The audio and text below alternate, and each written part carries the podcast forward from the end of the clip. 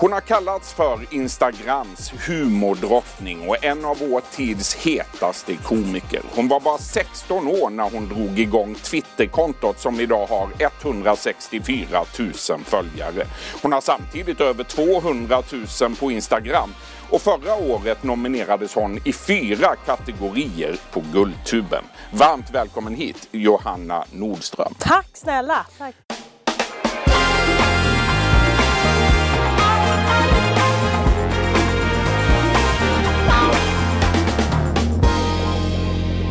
Du Johanna, du är just nu högaktuell med tre föreställningar på Skala teatern i Stockholm. Johanna Nordström med vänner.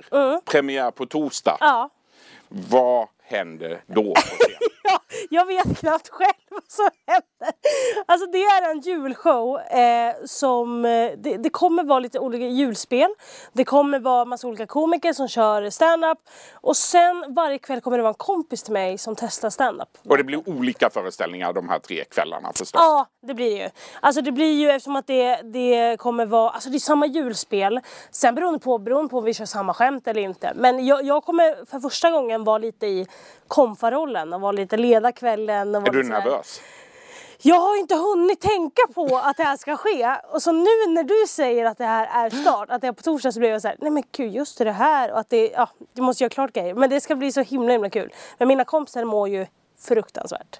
alltså de mår så dåligt. Du, du har så mycket att göra nu. För ett par veckor sedan då släpptes biljetterna till din kommande vårturné Ring Polisen.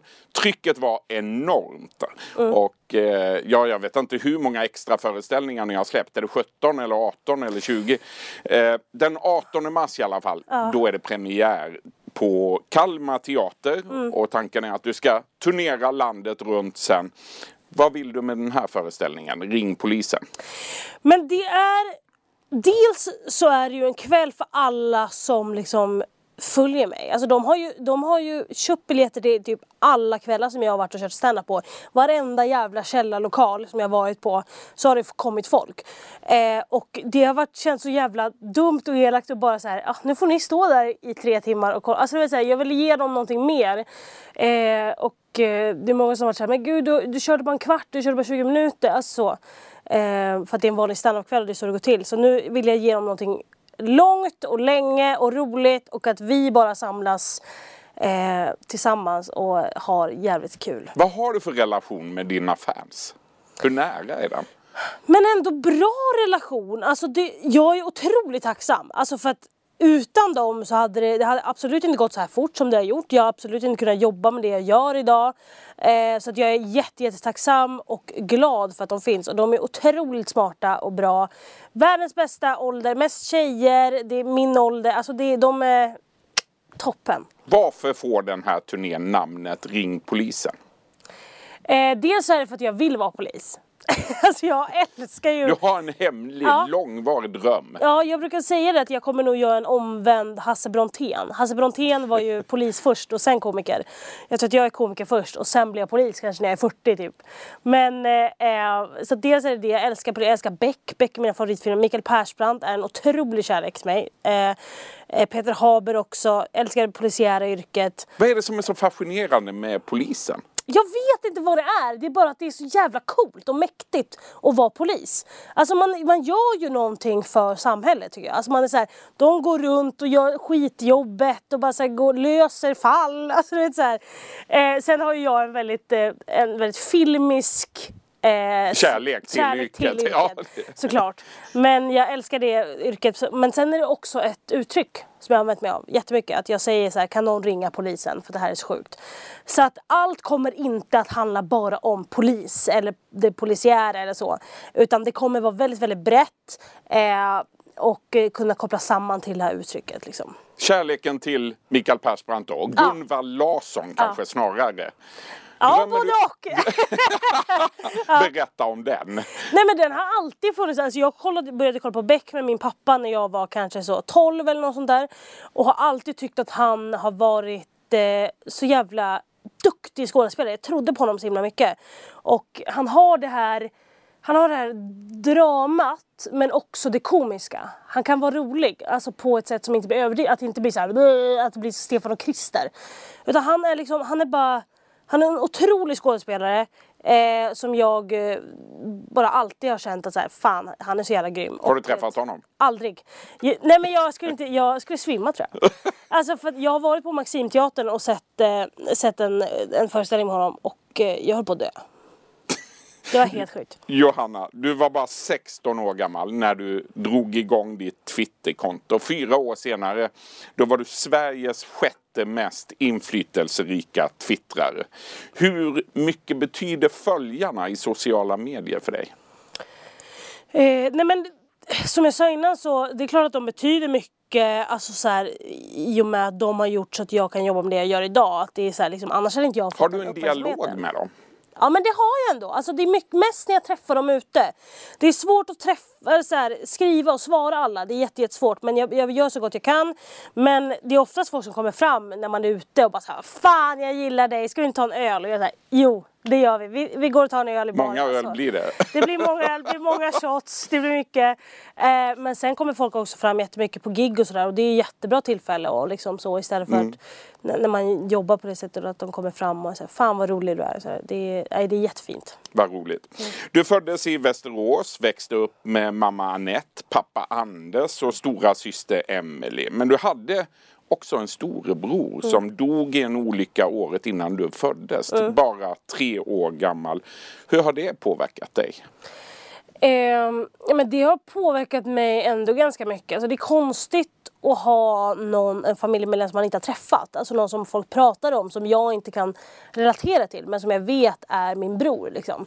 Eh, så det har påverkat mig på det sättet men också i att jag eh, inte har liksom velat eh, lägga någon tyngd eller vara var jobbig eller en börda liksom, för mina föräldrar eller min syster. Eller så. Att Jag har liksom alltid velat att de ska vara glada och, och liksom så att det inte ska vara någonting att de ska vara ledsna liksom, för det är det, värsta jag vet. Så jag tror att det har påverkat mig ganska mycket på det sättet. Att så här, inte, jag kanske inte pratar om alla liksom, problem eller hur jag har känt eller sådär för att jag inte velat att de ska eh, få ett problem eller att de ska påminnas om att vara ledsna eller sådär. Jag vet att du har en tatuering. Ja, Vad står det där? det står, eh, vad står det? Det står Mon Grand Frère. Fre- Frère. det är på franska. Så här är det. Jag började, min syster gjorde den när hon var 18, en, den tatuering som det står min lillebror eh, på armen. Och när jag fyllde 18 så gjorde jag en likadan samma ställe där står min storbror. Och jag vet inte varför hon valde franska faktiskt. Men det var väl fint tror jag. Det var fint. Du har sagt att du alltid fick skäll för att du pratade för mycket när du gick i skolan. Hur skulle du beskriva din skoltid? Oj. Ja, pratig. Alltså verkligen. Ja, jag pratade bara. Prata, prata, prata, prata. Tyckte allt var värdelöst. Tyckte det var tråkigt. Ville bara umgås med mina kompisar. Ville bara ha kul. Eh, och bara ja, satt och snackade. Alltid på utvecklingssamtalen så var det så här. "Ah, du, du pratar lite för mycket. Du kan inte prata så här mycket. Så här. Ja, ja, jag ska försöka. Jag kunde inte. Så jag, det, jag kunde inte vara, sitta och så här, läsa. Du var skoltrött. Ja, det, jag tyckte det var värdelöst. Du har sagt att du delvis har byggt din komik på en känsla av utanförskap. På vilket sätt var du utanför? Eh, nej men jag var alltid den, eh, alltså jag ville vara den roliga tjejen. Eh, jag, jag ville vara den som folk skrattar med och inte skrattar åt. Eh, och jag har aldrig varit mobbad eller något sånt där, jag har aldrig varit det. Men det är klart det har varit kommentarer som alla andra liksom, får i skolan. Att det varit så, jag har alltid varit tjock och det har alltid varit ett problem för folk liksom, då i klassen. Att de, så här, ja, men, det är ju samma att folk ser på det på det sättet i samhället. Att är man tjock så är man lat eller ful eller man gör det så. Eh, så det var egentligen sådana kommentarer. Då var jag så här, men om jag, om jag skämtar och skrattar och skrattar de med mig istället för att de ska hålla på och skratta åt mig. Eh, så det var ju nog egentligen på det, på det sättet. Jag visste jag, kan, jag, jag är inte den snygga tjejen så då blir, jag den, då blir jag den roliga tjejen. Det är lättare typ. Och gud vad de skrattade för något år sedan när du och Torbjörn Averås Skorup vann det svenska humorpriset i kategorin Årets web- webbhumor. Ni gjorde det för videon En helt vanlig dag på Postnord och vi kan väl titta på den videon nu. Åh gud.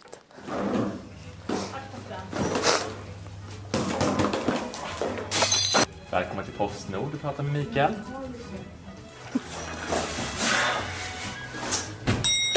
Inte det okej. Ja, jag är ute på rutten. Jag är ute. Jag är ute och det är jävla mycket paket idag som ska delas ut. Ja. Vi skiter i det här paketet för det, det är alldeles för långt. Jag känner det blir... det blir, det blir bara krångel. Så vi... Fan, visste du att Lundin och, och kungen är i bråk eller? Nej, nej.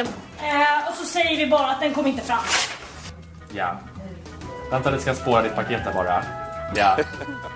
Nej men som sagt jag har skitmycket, jag måste, jag måste lämna ut. Det är Birgitta som står på däck här. Säg, det är som vi brukar säga bara. Tack för att du väntade där du. Nu är det så här att vi, det, är, det är SJs fel va? Det är SJs fel. då. Det, det är fel, det är löv på spåren. Den är fantastisk. Tack snälla. Du har jobbat i kundtjänsten på Postnord. Ja. Du och eh, efter någon månad där, då fick du sparken vad jag har förstått. Du twittrade om eh, ett eh, telefonsamtal som du hade fått.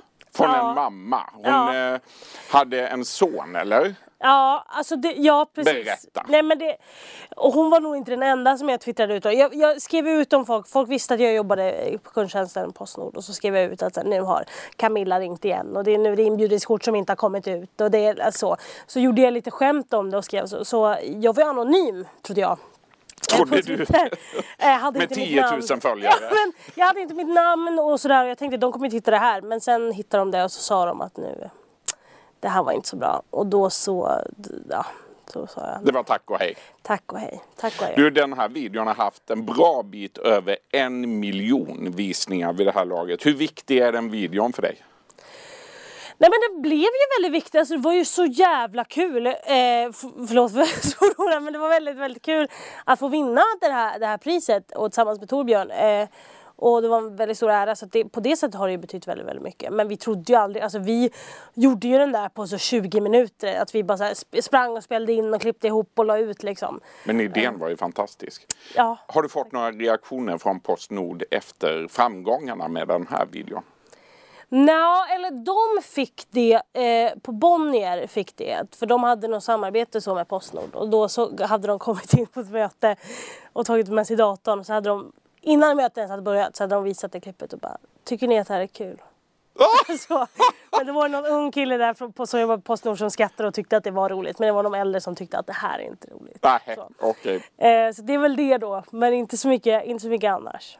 Du, inför valet förra hösten, riksdagsvalet, då gjorde du och Veckorevyns chefredaktör Irena Poschar, eh, du arbetade för Veckorevyn också ska vi säga då. Ni gjorde en politikpodd ihop, 800K hette den, riktade sig till kvinnor mellan 18 och 30. Varför gjorde ni den podden? Vi gjorde den podden för att vi ville få unga kvinnor att förstå hur viktig deras röst var eh, och är. Eh, för att jag har alltid alltid liksom känt mig dum gällande politik. Alltså jag känner såhär, jag förstår inte, jag fattar inte vad de här politikerna pratar om. De, de pratar på ett sätt som man, man fattar inte, de säger inte ja eller nej utan de har invecklade svar, man förstår inte frågorna och sådär. Eh, så då ville vi bara få folk att förstå eh, politiken. Så vi bjöd in partiledare eh, och eh, pratade om det och sa så här, nej men nu får du prata så att vi fattar. Säg nu bara så här, är det så här ni vill göra, ja eller nej? Istället för att in- inveckla svaren och säga ja, vi har sett att... Lyckades ni med det? Vi lyckades tycker jag ändå. Jag tycker ändå att det var, att, att det var så att vi sa, de fattade ändå grejen och vi sa nu, nej, nu, nu berätta nu på sätt som alla fattar liksom. Jag tycker ändå vi lyckades med det och eh, att den var väldigt, väldigt uppskattad av liksom unga, unga kvinnor. Ehm, så att det var egentligen målet, vi vill få unga att förstå politiken och vill få dem att förstå hur viktig deras röst är. Blev du själv politikintresserad i och med detta?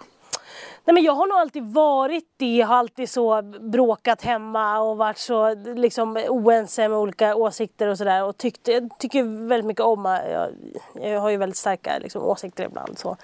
Eh, så jag har alltid varit det men jag blev ju mer och mer då eh, såklart. Sen blev jag också trött på det. Att jag blev såhär, ah, jag orkar inte mer nu, jag, nu, nu vill jag inte, orkar inte tänka på det här. Tell me! Ja, Ja, fan hur orkade du det? man, man, bli, man blir trött på det efter ett Galen. tag. Mm. Ja. Det här programmet är min lilla andpaus. Ja. Du, eh, eh, du har idag drygt 204 000 följare på Instagram. Du skulle kunna tjäna hur mycket pengar som helst på att lägga ut eh, rekla, reklamfinansierade bilder, marknadsföra produkter som du kanske inte själv använder, hudvårdsprodukter och designkläder. Du har valt bort det. Varför då? Eh, för att dels så passar det inte in i mitt flöde. Alltså jag, jag, jag gillar inte den grejen riktigt jättemycket. Eh, jag har valt att jag gör sådana saker när det är om jag får göra sketcher. Får jag göra humorinslag av det, då kan jag göra det. Eh, och det är väldigt, väldigt sällan som jag gör sponsrade eh, liksom, grejer. Eh, men jag, jag vill inte liksom, bidra till den liksom, världen för jag tycker att hela influencervärlden är så jävla ytlig och falsk och det, jag hatar den världen så jag vill liksom inte vara en del av det. Eh, och sen är det så här, ska jag, jag är ingen liksom skönhetsinfluencer som sitter, ska jag köpa den här mascaran, varför? Alltså det blir inte trovärdigt, jag, jag, jag, gillar inte det riktigt. Så det är därför jag har valt bort det, för att jag vill, jag, jag vill kunna göra humor av det som jag gör. För ett par år sedan då valde du att avfölja en väldig massa just influencers på Instagram. Mm. Människor som du fick kroppshets av, mm. eh, har du sagt. Jag fick frid, har du också sagt, mm. efter det att du hade avföljt dem. På vilket sätt fick du frid? Nej men jag fick ett helt lugn, ett annat, helt annat lugn. Jag slapp gå in på Instagram och se de här liksom, personerna stå liksom, med sina eh, bowls med broccoli och liksom, du vet så, gröna smoothie. Jag slapp se det. Jag slapp se deras liksom, eh, sån hets kring eh, träning och mat och, och sådär. Eh, så det var därför jag bara avföljde alla som jag kände att du ger mig, liksom, du ger mig ångest av något slag. Du, jag, det, och det är inte att jag hatar den personen då. Det är inte att jag här, inte gillar det utan det är bara så här, jag mår inte bra Du vill inte ha det i flödet. Nej, precis. Eh, och det var en otrolig befrielse och det brukar jag säga till alla att, att mår man dåligt av sociala medier så avfölj dem som du mår dåligt av. Ett bra tips där. Ja. Du, om tre veckor då är det jul då kan det se ut så här när man kommer hem till mamma och pappa.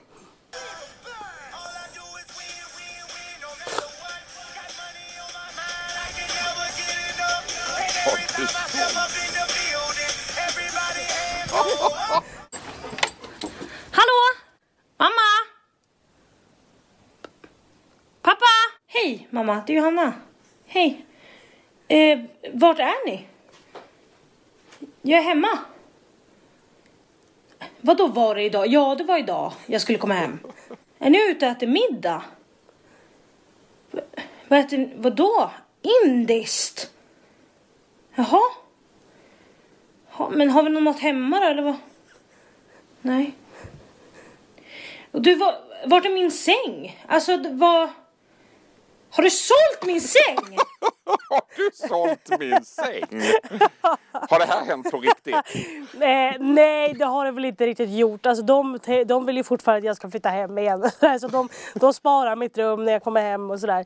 Så det har de inte Eller de har ju slängt in grejer där som är helt värdelösa. Det var något så gymredskap som jag var såhär, vad fan är det här? Det sitter och tränar här inne liksom. Eh, så det har väl inte hänt. Men det, kommer det, du att fira jul med mamma och pappa? Det kommer jag göra. Det kommer jag. jag skulle inte göra det först men, men, men jag ska det nu. Du ska det. Vi önskar dig en riktigt, riktigt god jul då. Detsamma. Och lycka till med föreställningarna nu den här veckan och med föreställningarna hela våren. Tack snälla. Tack för att du kom till vår studio idag. Du har lyssnat på en podcast från Expressen. Ansvarig utgivare är Klas Granström. Poddtips från Podplay. I podden Något Kaiko garanterar östgötarna Brutti och jag, Davva, dig en stor dos skratt. Där följer jag pladask för köttätandet igen. Man är lite som en jävla vampyr. Man har fått lite blodsmak och då måste man ha mer. Udda spaningar, fängslande anekdoter och en och annan arg rant. Jag måste ha mitt kaffe på morgonen för annars är jag ingen trevlig människa. Då är du ingen trevlig människa, punkt. Något Kaiko, hör du på Podplay. Därför är gardinerna.